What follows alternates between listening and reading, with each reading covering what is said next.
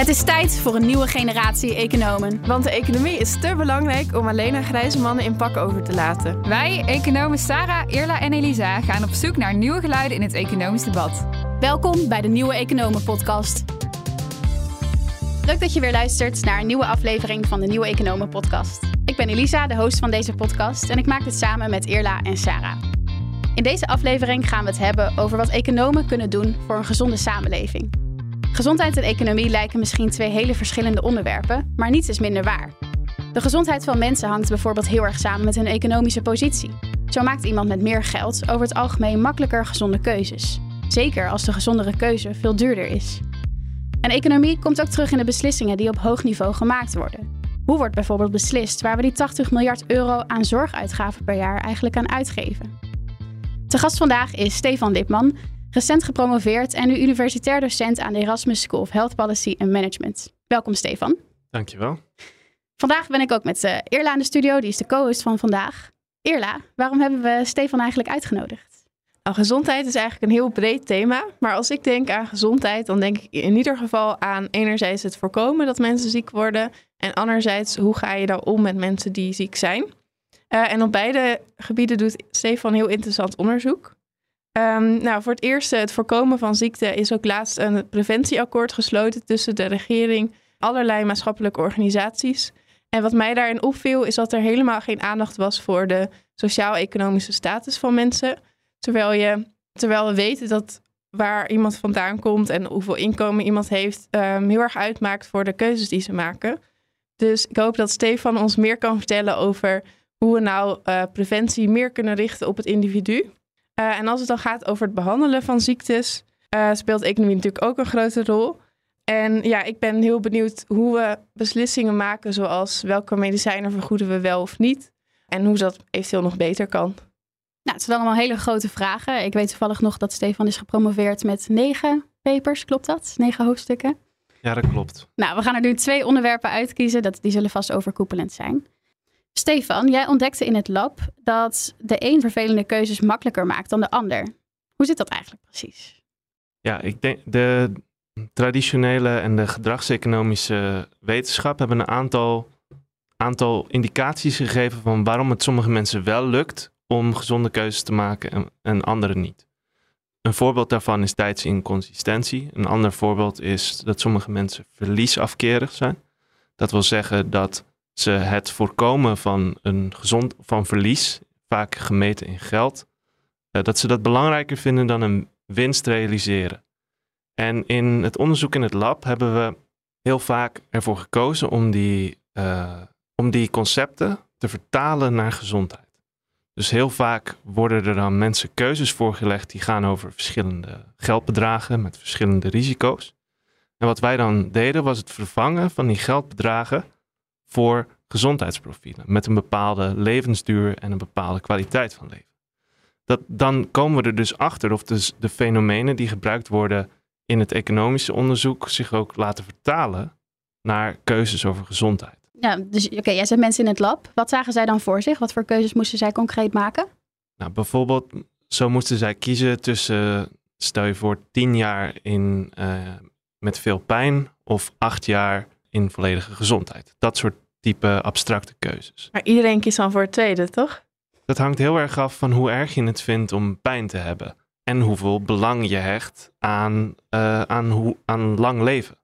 Maar we, we vonden in die lab-experimenten bijvoorbeeld wel dat heel veel mensen, zoals economen dat noemen, tijdsinconsistent zijn. Dat betekent in feite dat ze op het ene moment een plan maken, bijvoorbeeld om te gaan sporten. En dat ze op een ander moment, uh, een dag later, toch weer een andere keuze. Bijvoorbeeld, toen ik onderweg was hier naartoe, heb ik een gezonde lunch ingepakt. Maar toen ik op het station Amstel kwam, heb ik toch even snel een frikandelbroodje gehaald. Wel lekker, maar niet echt uh, consistent met mijn wens om wat gezonder te gaan eten. En diezelfde tijdsinconsistentie vonden wij in het lab ook voor uh, die meer abstracte gezondheidsprofielen die ik net even omschreef. Want bedoel je dan dus eigenlijk dat als je nu mensen laat kiezen tussen tien jaar uh, met pijn en acht jaar uh, in goede gezondheid, dat ze die keuze nu anders maken dan als ze bijvoorbeeld, ja, waar moet ik het dan met verge mee vergelijken? Op wat voor moment zou je die keuze, diezelfde keuze nog een keer maken eigenlijk? Wij vroegen mensen om bijvoorbeeld eh, te kiezen tussen profielen die eh, nu beginnen of eenzelfde keuze die pas over drie maanden of een half jaar zou beginnen. En dan zie je dat mensen eigenlijk andere keuzes maken als ze er nog een tijdje op kunnen wachten tot hun gezondheid verandert, dan als dat nu is. En ehm, op basis daarvan konden we conclusies trekken over hoe tijdsinconsistent mensen wel of niet zijn. En dat heeft dan weer potentiële gevo- gevolgen of eh, dat geeft ons inzichten in hoe mensen keuze maken over, laten we zeggen, echt gezond gedrag. Dus mensen zijn eigenlijk over optimistisch over hun toekomstige zelf. Ja, zo zou je het kunnen interpreteren, ja. Ik snap het nog niet helemaal, want eh, je had dus die twee profielen. En dan heb je dus iemand eh, die eh, gezond is over tien jaar en iemand die chronische pijn heeft. Maar in dat profiel stond dan ook van diegene die gezond is, die gaat heel vaak naar de sportschool en die eet gezond en die maakt allerlei keuzes. En diegene die pijn heeft, die gaat dus vaker feesten en leuke dingen doen. Of hoe, hoe zit dat precies? Nee, dus in feite was gezond ge- gedrag helemaal niet in, dit, eh, in het profiel betrokken, Irla. Dat had dat gezond gedrag. Maar wa- waarom zou je dan voor degene met pijn, het profiel met pijn kiezen? Dus het voorbeeld wat ik gaf is: stel je voor dat je acht jaar leeft met veel pijn of tien jaar in volledige gezondheid. Ah, oké. Ja, dan snap ik hem. Dus eigenlijk is dit veel meer de hoogovervraag van hoe maken mensen eigenlijk keuzes? Waar houden ze rekening mee? Ja, hoe maken ze keuzes in brede zin? En is dat dan ook nog eens anders als het om, keu- om je eigen gezondheid of die van anderen gaat? Ja, vandaar. En wat zijn dan de verschillen die je, die je vindt? Eigenlijk vinden we vooral heel veel overeenkomsten. Dus de, de fenomenen die we kennen uit beslissingen over geld, dus risicoaversie, dus het, voor, het mijden van risico's, verliesafkeer, dat je verliezen eh, voorkomen belangrijker vindt dan winst te realiseren, die tijdsinconsistentie die ik al noem- noemde, die vertalen zich bijna letterlijk naar keuzes over gezondheid. Soms zijn die fenomenen nog wat versterkt zelfs. Dus dat mensen nog meer verliesafkerig of nog risicomijdender zijn. Dus, Dus- mensen gezondheid is misschien wel meer waard dan hun geld. Dat denk ik sowieso. Dat, ik denk dat dat een beetje losstaat van, van of die fenomenen zich laten vertalen. Maar eh, in ieder geval is gezondheid en, keuzes daarover heel vergelijkbaar met keuzes over geld. En zijn er weinig uitzonderingen wat dat betreft. Dus je zegt eigenlijk, er zijn niet zoveel verschillen in hoe mensen. eh, ja, eh, ehm, er zijn eigenlijk niet zo heel veel verschillen in hoe mensen financiële keuzes maken en keuzes rondom hun gezondheid. En de verschillen binnen gezondheid dus. Maakt de een nou veel andere keuzes dan de ander als het komt op die gezondheidsvragen? Ja, ik, ik denk als, als er één ding is wat ik in die zes jaar dat ik dit onderzoek toe heb geleerd, is dat er enorme individuele verschillen zijn. Dus ik noemde net een aantal hele algemene concepten, zoals risicomijdendheid, verliesafkeer. eh, en dat mensen over het algemeen dus bijvoorbeeld risico's mijden. Maar dat is geen natuurkundige wet. Sterker nog, er zitten enorme verschillen waar je eh, bijvoorbeeld verlies, als je kijkt naar verliesafkeer, is vaak een derde van de mensen juist nog extreem winstzoekend. Dus die zijn helemaal niet, eh, r- mijden verliezen helemaal niet, maar zijn juist gericht op het realiseren van winsten. Dan heb je een, een, aantal mensen die neutraal zijn ten opzichte van verliezen. En een hele grote groep verliesafkerige mensen in van een heel klein beetje tot extreem verliesafkerig. En hoe moet ik dat dan voor me zien met zo'n voorbeeld? Dus als ik verliesafkerend ben, dan kies ik eerder voor eh, acht jaar in goede gezondheid dan tien jaar met pijn. Of juist precies andersom. Dan worden we denk ik wel heel technisch. Maar een, een voorbeeld wat ik zou kunnen geven is stel je voor dat je moet kiezen tussen een behandeling die jouw leven kan verlengen met vijf jaar. Of mogelijk ook nog met een paar jaar kan verkorten. Als jij Ja. verliesafkerig bent, dan wil je die behandeling waarschijnlijk niet. Want je wil geen levensduur verliezen ten opzichte van je huidige status quo. Terwijl als jij winstzoekend bent, gaat het je alleen nog maar om het verlengen van je leven. En dat is ook een, een keuze die jullie voorlegden in dat lab-experiment. Ja, dus, dus het zijn hele abstracte taken eigenlijk. En hing dat nou nog samen met opleidingsniveau? Dus dat lager opgeleiden bijvoorbeeld meer risicoavers zijn. Ik ga ervan uit dat dat wel zo is. Alleen in de experimenten die wij gedaan hebben, werkten we eigenlijk uitsluitend met studenten die eh, vrijwillig met ons onderzoek mee wilden doen. Wat een, een van de belangrijkste limitaties is van het meeste van het werk wat mijn proefschrift gehaald heeft. Nou, je moet ook ergens beginnen natuurlijk. Ja, Ja, en dan zelfs binnen die best wel. ehm, zelfs binnen die groep studenten vond je dus al best wel veel verschillen tussen hoe mensen reageren. ja in deze behoorlijk homogene, dus eh, eigenlijk vergelijkbare type mensen, vonden we in deze homogene groep vonden we heel veel, heel veel variatie. En als ik het goed begrijp, gebruik je eigenlijk die variatie tussen mensen binnen, binnen de mens eh, als uitgangspunt om gezond gedrag te verbeteren. Dus als we het dan hebben over het aanmoedigen van gezond gedrag, kun je dan ook het beleid daarop inrichten? Hoe kun je dan meer rekening houden met die verschillen tussen personen? Ik denk dat als we kijken naar wat de ontwikkelingen die nu gaande zijn, is dat er op heel veel verschillende onderzoekscentra en beleidsinstituten tegelijkertijd gerealiseerd wordt dat er hele grote verschillen zijn tussen mensen. Niet alleen in het abstracte, eh, ja, gedragseconomische conceptenniveau wat, wat ik net omschreef, maar ook op het gebied van bijvoorbeeld geletterdheid, sociaal-economische positie. En dat er tegelijkertijd op eh, in al die instituten geprobeerd wordt om op een manier preventie en het voorkomen van ongezond gedrag te personaliseren. Dus op meer richting het individu en zijn of haar wensen of kenmerken. Wat mij inspireerde uit die grote variatie in mijn eigen onderzoek is om te kijken of we dan ook iets kunnen doen daarmee. Want die mensen die bijvoorbeeld heel verliesafkerig of heel risicomijdend zijn, die moet je misschien anders benaderen dan de mensen die eh, juist dol zijn op risico's. En niet zoveel, zich niet zoveel zorgen maken over een klein verlies. En wat moeten we daar dan mee doen? Nou, ik denk dat er twee routes zijn. De ene route kan zijn om van tevoren te proberen bij die mensen wat van eh, bijvoorbeeld hun risicomijdendheid in kaart te brengen. En dan een andersoortige interventie aan te bieden. Dus iemand die risicomijdend is, wil je dus een interventie of een gezo- gezondheidsbevorderende interventie aanbieden waar geen risico's in zitten. Waar moeten we dan aan denken? Ja, zelf, en dat is dan toch omdat ik in de economische context werk, denken we dan vaak aan financiële prikkels en hoe je die kunt inzetten. Bijvoorbeeld, eh, stel je voor dat jouw werkgever tegen je zegt: Ik wil je wel helpen om meer te gaan sporten. En dan krijg je van mij over een jaar, als je twee keer per week gaat sporten, 120 euro. En er zit dan geen onzekerheid in, in of je dat dan echt krijgt. Precies. Dus als iemand risicomijdend is, wil je daar geen onzekere factor aan toevoegen. Terwijl als je risicozoekend bent, kan je misschien wel zeggen, nou, weet je wat we doen? Als je, als je inderdaad een jaar lang twee keer per week sport, dan mag je meedoen aan een loterij. Die loterij levert niet 120 euro met zekerheid op, maar een 10% kans op 1200 euro. Misschien is een ander voorbeeld eh, dat je, soms kan je heb je de keuze tussen extra hulpmiddelen of een operatie. En dan zal iemand die risicomijdend is, zou je dan dat extra hulpmiddelen kunnen bieden. Eh, bij het lopen bijvoorbeeld van iemand met een spierziekte. Exact, want in een operatie zit dan wel een bepaald risico ingebouwd en bij hulpmiddelen misschien niet. Dus in, in dat kader kan je dus proberen die risicomijdendheid te meten om dan eigenlijk van tevoren al te gaan bepalen wat je die mensen wilt gaan aanbieden.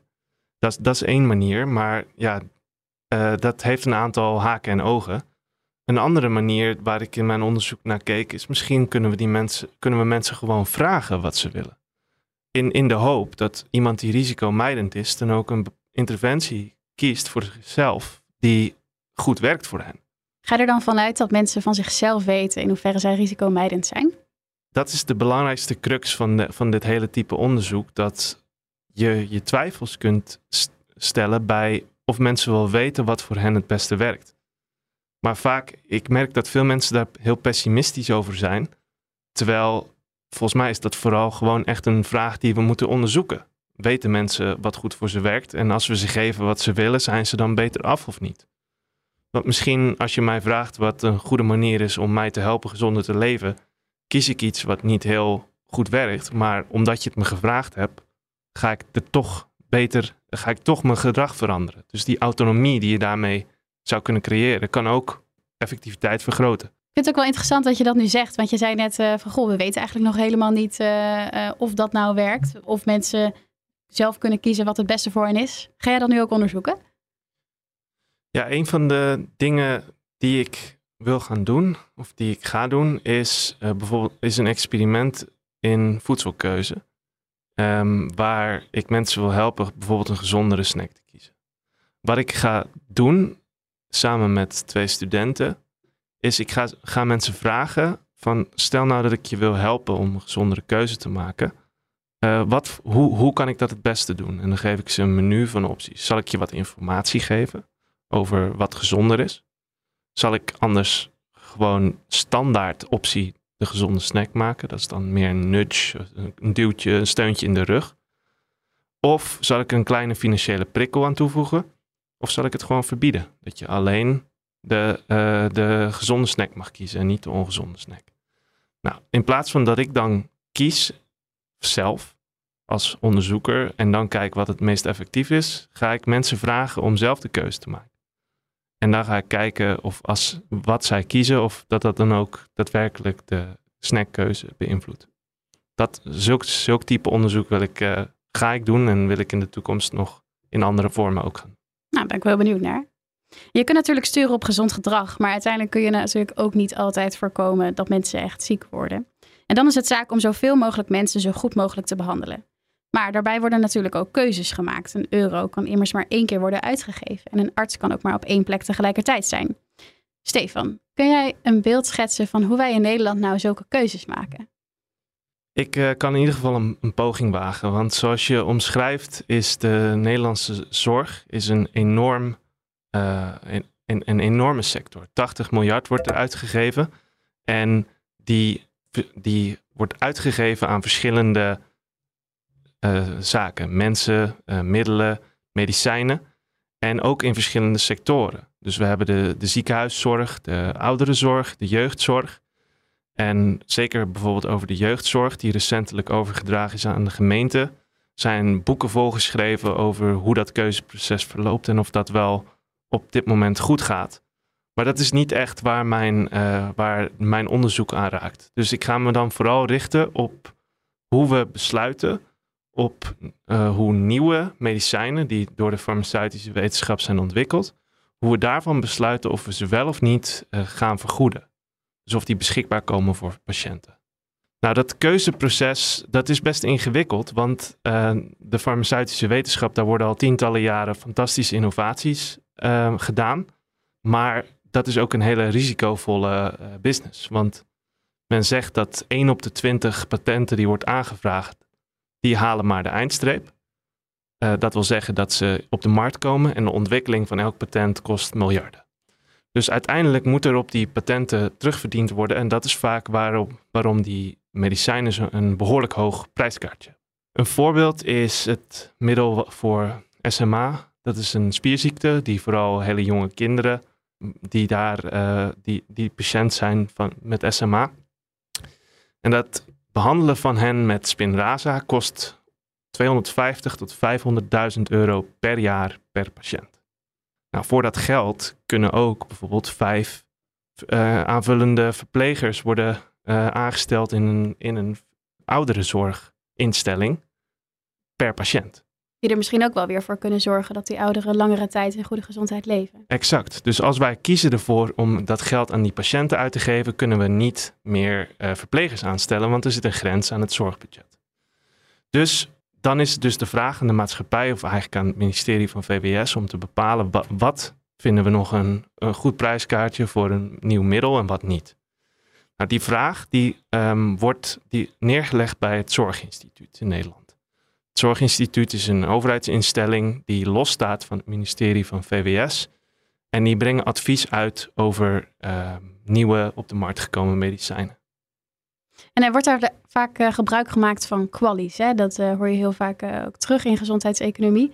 Wat zijn qualies precies? Ja, qualies dat is een afkorting vanuit het Engels. En, dat zijn eigenlijk voor kwaliteit gecorrigeerde levensjaren. Dus je kijkt naar levensjaren en in welke kwaliteit worden die levensjaren doorgebracht. Want je kunt je voorstellen dat een nieuw medicijn kan tot levenswinst in levensduur, dus je leeft langer leiden. Maar het kan ook leiden tot veranderingen in iemands kwaliteit van leven. Die kan verbeteren, maar in het geval van heftige bijwerkingen kan die natuurlijk ook verslechteren. Een voorbeeld is als je uh, mensen behandelt met terminale kanker, dan gaan ze vaak langer leven, maar heeft dat wel heftigere heftige bijwerkingen. Dus is de kwaliteit van leven juist weer niet zo groot. Ja, en in jouw onderzoek verdiep je je toch vooral hoe we die kwalies zo goed mogelijk kunnen meten. Waarom is dat nou zo moeilijk? Nou, die kwalies zijn een heel nuttig middel omdat je goed kunt vergelijken tussen patiënten. Want wanneer je die jaren voor, voor kwaliteit van leven corrigeert, kun je tussen eh, ziektes met verschillende soorten kwaliteit van leven een vergelijking maken. Dus allerlei verschillende soorten eh, aandoeningen. Maar het moeilijke is de, met name dat kwaliteitsaspect. Want verlenging van levensduur kunnen we vaak redelijk goed eh, inschatten en ook goed hard maken. Want dat kun je uitdrukken in bijvoorbeeld twee jaar langer geleefd. Maar hoe drukken we dan de kwaliteit van leven uit in een kwantitatieve maat? Dat is wat het ingewikkeld maakt. En waarom kun je dan niet, niet gewoon zeggen kwaliteit van leven is subjectief? Dus ik ervaar misschien een bepaalde kwaliteit van leven en ik geef daar bijvoorbeeld een, eh, een 8 aan. Waarom is dat niet genoeg? Omdat we de wens hebben om te zorgen dat het enigszins vergelijkbaar is tussen verschillende patiënten. Wat we dan doen is we geven er eigenlijk een gewicht aan tussen de 0 en de 1. Waar 0 de kwaliteit van leven is van dood zijn en 1 is volledige gezondheid. Dus een, gezondheid, eh, een, een toestand zonder gezondheidsproblemen. Oké, dus de kwalie zit tussen 0 en 1. Maar hoe kom je er nou achter ja, wat, welke maat je moet gebruiken? Ja, wat we in de praktijk doen is, patiënten krijgen een vragenlijst. Bijvoorbeeld uh, een van de meest populaire vragenlijsten van de wereld is de EQ5D. En die vraagt patiënten om hun eigen gezondheid te scoren op verschillende dimensies. Bijvoorbeeld mobiliteit, uh, zelfzorg, dagelijkse activiteiten. En dan worden die antwoorden op die vragenlijst, bijvoorbeeld uh, een toestand waarin je veel pijn hebt, nog redelijk je dagelijkse activiteiten kunt doen en geen probleem met mobiliteit. Dat soort toestanden die leggen we voor aan mensen uh, in het generale publiek. Dus zoals jij en ik, die op dit moment misschien wel, maar misschien ook wel niet uh, gezondheidsproblemen hebben. En die gaan dan die toestanden waarderen. Die gaan daar een waarde aan toekennen tussen de 0 en 1. Dus we vragen het niet zozeer aan de mensen die ziek zijn, maar we vragen het aan het algemene publiek. Ja, gek hè? Ja, eigenlijk wel. Ja, dat uh, wordt uh, vaak goed gepraat, omdat als we het hebben over het vergoeden van medicijnen, dan betalen we dat met z'n allen. Dus gaat het niet alleen om wat de patiënt wil, maar ook om wat wij met z'n allen als maatschappij willen betalen daarvoor.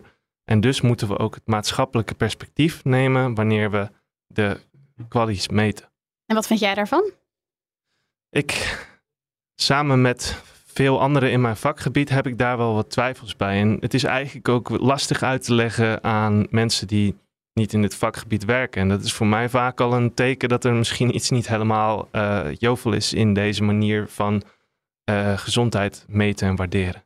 Ja, want krijg je daardoor eigenlijk niet problemen dat mensen, uh, nou mensen bijvoorbeeld als mensen kanker horen, dan roept dat vaak bepaalde beelden bij zich op. Misschien omdat ze iemand kennen die kanker heeft, zoiets. Dat ze misschien daardoor misschien wel denken, goh, dat, ik ben veel meer bereid. Uh, ik denk dat het heel erg is om kanker te hebben, terwijl een ziekte waar een een of andere zeldzame, waar ik niet zo'n goed beeld bij heb, ja, dat vind ik dan misschien helemaal niet zo erg. Ja, vaak wordt er wel gekozen om dus daarom, precies om die reden, dit soort labels te uh, niet te gebruiken, maar hele algemene toestanden, uh, te, toestandbeschrijvingen voor te leggen.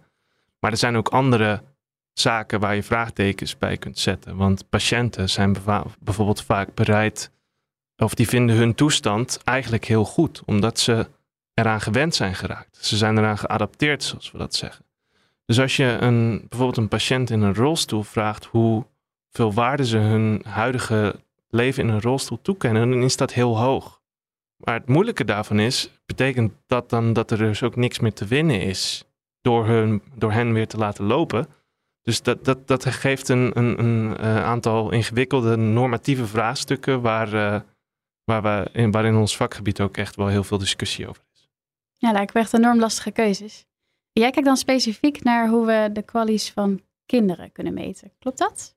Ja, in, ik heb in de afgelopen twee jaar daar heel veel uh, onderzoek naar gedaan. Naar hoe we de methode die we hiervoor gebruiken nu goed kunnen uh, vertalen naar als het niet gaat om de gezondheid van volwassenen, maar om die van kinderen. En waarom is dat moeilijker?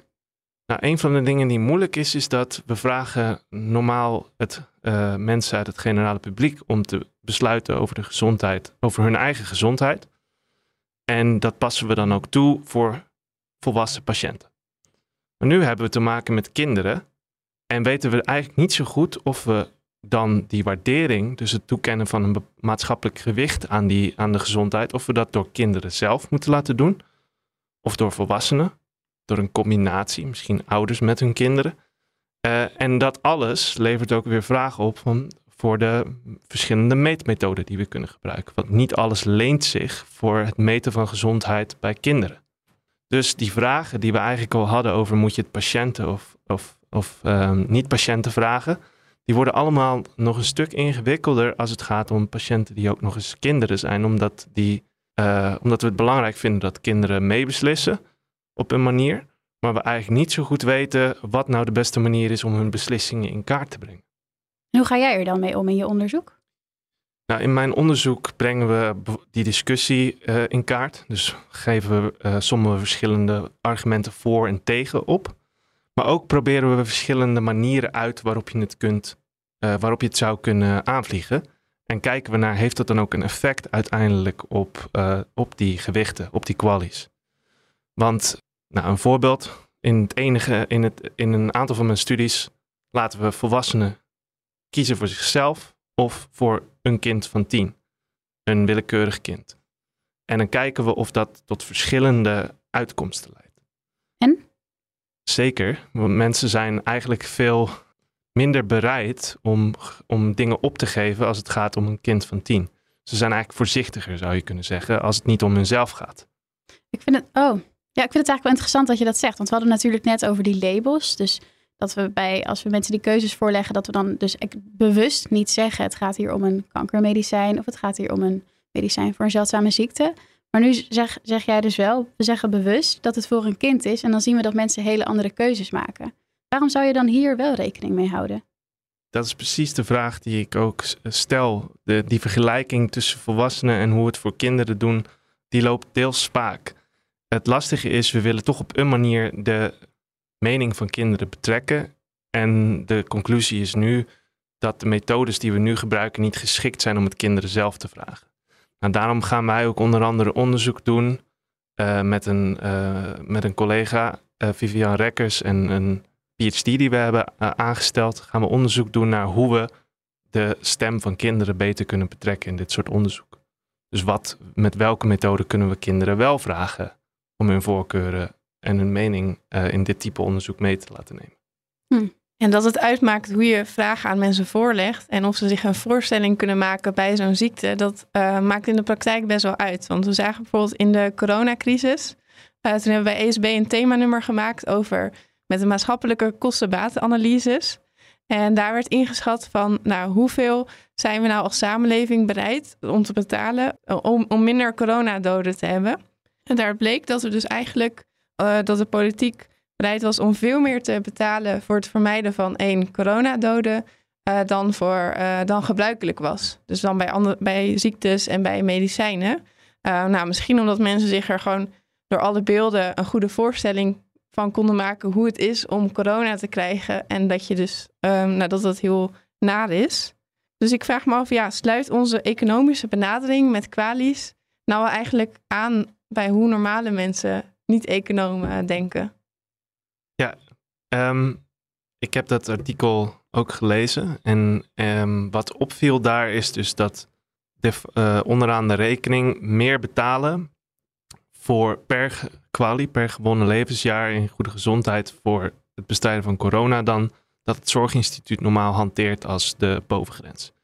Die bovengrens die ligt voor de meest ernstige ziektes uh, op 80.000 euro per gewonnen levensjaar. Voor minder ernstige ziektes, waarin mensen uh, minder, uh, minder gezondheid ver, verliezen, ligt die veel lager, zelfs op 20.000 euro per levensjaar. Um, Even tussendoor, hoe kan het dan dat we dan toch voor verschillende gradaties aan ziektes verschillende uh, prijzen hebben? Want dat is toch juist wat je daarmee probeert recht te trekken, dat elke kwalie hetzelfde waard is? Ja, die keuze is gemaakt omdat er toch ook verschillend gekeken wordt naar mensen die ernstig ziek zijn dan mensen die uh, eigenlijk hele milde problemen hebben. En dat we bereid zijn om meer te betalen voor iemand die heel erg ziek is om zijn of haar gezondheid te verbeteren, dan voor iemand die op dit moment heel gezond is. En van, daarom wordt ook vaak een andere grens gehanteerd voor preventie dan voor uh, behandeling. Ja, dus we houden al wel een beetje rekening mee met die verschillen. Ja, en in het geval van, van corona uh, is denk ik de rule of rescue, dus is heel erg van belang. Dat, dat omschrijft dat op het moment dat je iemand in nood ziet, dat op dat moment je bereidheid om daarvoor iets te doen of te betalen veel hoger ligt dan voor een abstracte patiënt. En wanneer we, het, wanneer we die afkapgrens bepalen, denken we niet alleen aan de COVID-patiënten op de afdeling die uh, bijna uit zijn voegen schiet, maar ook aan wat we met dat geld nog meer hadden kunnen doen. Zoals voor 80.000 euro kun je uh, anderhalve verpleger uh, aanstellen in een ouderenzorginstelling. Maar die anderhalve verpleger, ja, die moet ik al concreet maken om, om het te laten leven. Die, in, die, in de meeste studies hierover of in, bij het zorginstituut gaat het gewoon om, ja, met dat geld, elke euro telt en met het geld kunnen we ook andere dingen doen. Maar dat leeft niet. En dat is in de politieke besluitvorming natuurlijk ook heel ingewikkeld. Ik heb sowieso ook het idee dat we eigenlijk dat, dat uh, hoe de normale mens hierover denkt al wel een beetje meenemen. Ook al hebben we het zo economisch ingericht. Als je bijvoorbeeld kijkt naar desinvestering, dus als we bepaalde medicijnen willen vergoeden en we weten nog niet zeker hoe kosteneffectief we zijn, dan zegt het Zorginstituut soms: Oké, we vergoeden het voor nu. Gaan we dan onderzoeken hoe effectief het precies is. En dan herevalueren we dan. Maar bij dat herevalueren, als we dan zien dat het niet kosteffectief genoeg is en ze willen het uit het basispakket halen, dan krijg je altijd een enorme mediastorm. Dan gaan patiëntenorganisaties stappen naar de media. Dat is ontzettend moeilijk om zo'n medicijn toch weer uit het basispakket te halen. Dus ik heb sowieso het idee dat, ook al richten we het heel rationeel in, komen er altijd situaties zoals noodsituaties, zoals emotionele situaties, waar we niet omheen te rationeel, ja, niet omheen uh, te praten valt. Ja, klopt Elise. En dat lijkt me ook wel heel logisch ergens. Want als jij uh, in, ja, in een lab of in een enquête een situatie voorgelegd krijgt met nou, we hebben een behandeling voor een patiënt, weten niet hoe die patiënt heet, weten niet welke ziekte die heeft, maar met die behandeling kunnen we vijf goede levensjaren winnen. Dan kan je daar eigenlijk als gezond persoon helemaal geen voorstelling bij maken. Terwijl als um, je ziek bent en een, een medicijn wordt uit het basispakket gehaald, ja, dan is dat voor diegene heel erg. En dan zoekt hij de natuurlijk kom je dan in actie. En dan komen die verhalen komen dan in de media. En dan lezen mensen pas, krijgen ze er pas echt een beeld bij, denk ik. Net als bij corona lazen we de hele tijd over. Ja, eigenlijk op welke manier je doodgaat aan corona en hoe verschrikkelijk dat is. Uh, en dan kunnen we ons ineens wel een voorstelling erbij maken. Vinden jullie dat dan erg? Jullie als in wij gezondheidseconomen? jullie als gezondheidseconoom en econoom. Ja. En mens. En mens. We zijn ook mens. Ja, want dat vond ik nog wel grappig. Dat jullie de tegenstelling maken tussen economen en normale mensen. Dat, maar uh, als, als uh, nog niet geheel bekeerde econoom uh, voel ik me daardoor niet per se aangesproken. Maar ik denk dat dit ons als gezondheidseconomen wel in een lastig pakket brengt. Want er wordt enorm veel tijd en energie gestoken in het uniformeren van besluitvormingsproces rondom vergoeding van nieuwe zorg. Maar tegelijkertijd gaan in noodsituaties of in bepaalde uh, patiëntgroepen die een hele sterke lobby of misschien een heel ernstig ziekteprofiel hebben, gaat een deel van, van dit advies en de methodiek waarvoor gekozen is en waar mensen boeken vol over schrijven, gaat helemaal van tafel. En dat maakt het ook lastig te verkopen dan weer aan die patiënten straks voor wie een een ziekte voor een spiermiddel op de markt komt. En dan is het in één keer wel te duur. Dat, dat maakt de consistentie in die besluitvorming best wel ingewikkeld. Moeten we daar dan wat mee?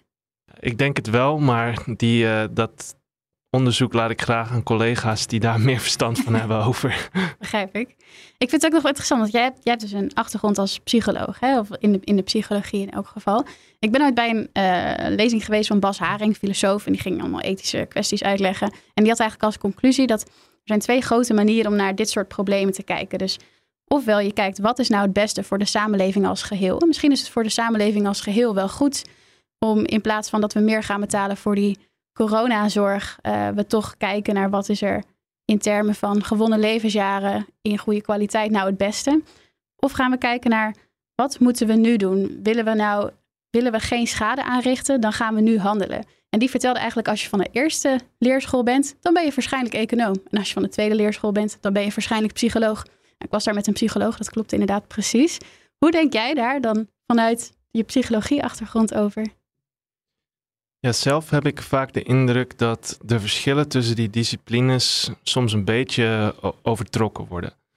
Kijk, ik wil natuurlijk niet de, de, de ethisch filosoof uh, tegen de borst stoten. Maar in mijn ervaring zijn psychologen en economen toch vaak ook wel met dezelfde vragen bezig. Hoe kunnen we mensen helpen gezonder en langer te leven in, in goede, goede welzijn? Alleen lijkt de economische toolbox beter bestand en beter uh, voorbereid op het in kaart brengen van het algemeen belang. Dat komt omdat, we, omdat wij veel uitdrukken in, in geld. En in mhm. kwantitatieve mate die makkelijker tussen sectoren te vergelijken zijn. Terwijl als je je uitsluitend op het welzijn en de gezondheid van, het in, van één individu richt en dat zo goed mogelijk probeert te meten, verliest dat vaak een deel van de kracht van het vergelijken tussen verschillende groepen. Want misschien moet het dan nog een beetje verduidelijken. Als je nu helemaal geen keuzes maakt en je zou alles vergoeden, nu werkt dat misschien nog, maar de samenleving wordt steeds ouder, de zorgkosten stijgen enorm. Op een gegeven moment moeten we misschien wel die keuzes maken, omdat we anders ja, niet genoeg geld overhouden om, om, te leven. Nou ja, we kunnen natuurlijk in feite het budget voor zorg vergroten. Dat betekent alleen dat we meer belasting moeten heffen of hogere premies moeten gaan uh, vragen aan de maatschappij. Zoals je zegt, de, de, bevolking vergrijst. Dus er is ook een, een steeds kleinere groep mensen bij wie je in, in de werkende populatie, bij wie je via inkomstenbelasting nog wat kunt halen. Dus op een moment loop je tegen de rek van het groeien van de zorg aan. Een nog zorgelijkere, vind ik, eh, en dat is dan misschien toch de psycholoog in mij, uh, nog zorgelijker is dat um, we ook steeds meer mensen nodig hebben die in de zorg gaan werken. Ja, want in een recent rapport wat ik heb gelezen van de Wetenschappelijke Raad van de Regeringsbeleid, hebben ze berekend dat onder de huidige mate van groei in 2050 één op de vier mensen in Nederland in de zorg moet werken. Dat betekent dus ook dat heel veel mensen die misschien andere ambities hebben, toch nodig zijn in de zorg. We kunnen dat wel via hogere lonen proberen te stimuleren. Maar ook dat uh, is denk ik een heel duidelijk signaal dat we goed moeten nadenken over hoe we de zorgeuro's willen inzetten. En dat groei niet eindeloos mogelijk is. Want um, tenzij we het wenselijk vinden dat over uh, eh, 30 jaar één op de vier mensen in de zorg werkt natuurlijk. Nou, je noemt in elk geval een hoop grote vragen. En uh, er is ook nog genoeg te onderzoeken voor gezondheidseconomen zoals wij, denk ik. Eerla, laten we even terugkomen op het begin. Jij noemde dat je twee dingen wilde leren van Stefan. Heb je die geleerd? Nou, ik heb in ieder geval geleerd dat er dus wel hele grote verschillen zijn in hoe mensen kijken naar gezondheid. En uh, ja, hoe ga je dan met die verschillen om? Misschien toch iets meer mensen zelf de keuze laten maken. Dat vond ik wel een interessante les. En uh, over hoe we grote beslissingen op het gebied van zorg maken, heb ik ook wel veel geleerd. Wel vooral dat het eigenlijk nog, dus dat nog veel complexer is dan ik dacht. Maar in ieder geval heel interessant. Ja, vond ik ook. Stefan, wat voor onderzoek kunnen we nog van jou verwachten in de toekomst? Nou, ik heb al een paar hele concrete dingen genoemd. Dus het, uh, het, onderzoek wat ik wil gaan doen naar hoe we mensen het beste kunnen helpen bij het maken van gezondere keuzes en hen daar zelf bij betrekken. En het onderzoek wat ik wil gaan doen op het gebied van kindgezondheid. En hoe kunnen we kinderen en de gezondheid van kinderen goed meten en goed van waarde voorzien. Ja, dus je trekt je huidige lijn eigenlijk voort. We kijken er heel erg naar uit. Heel erg bedankt voor je komst. Daarmee zijn we aan het einde gekomen van de vierde aflevering. Over twee weken zijn we weer terug en praten we met Kai Ivar van der Wijst van de Universiteit Utrecht over de winsten die te behalen zijn met klimaatbeleid. Tot dan!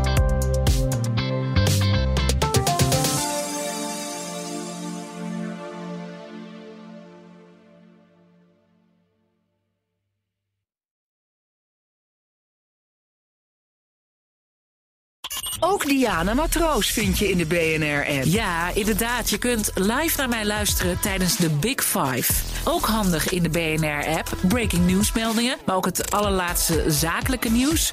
En je vindt in de app alle BNR-podcasts, waaronder Wetenschap Vandaag. Download nu de gratis BNR-app en blijf scherp.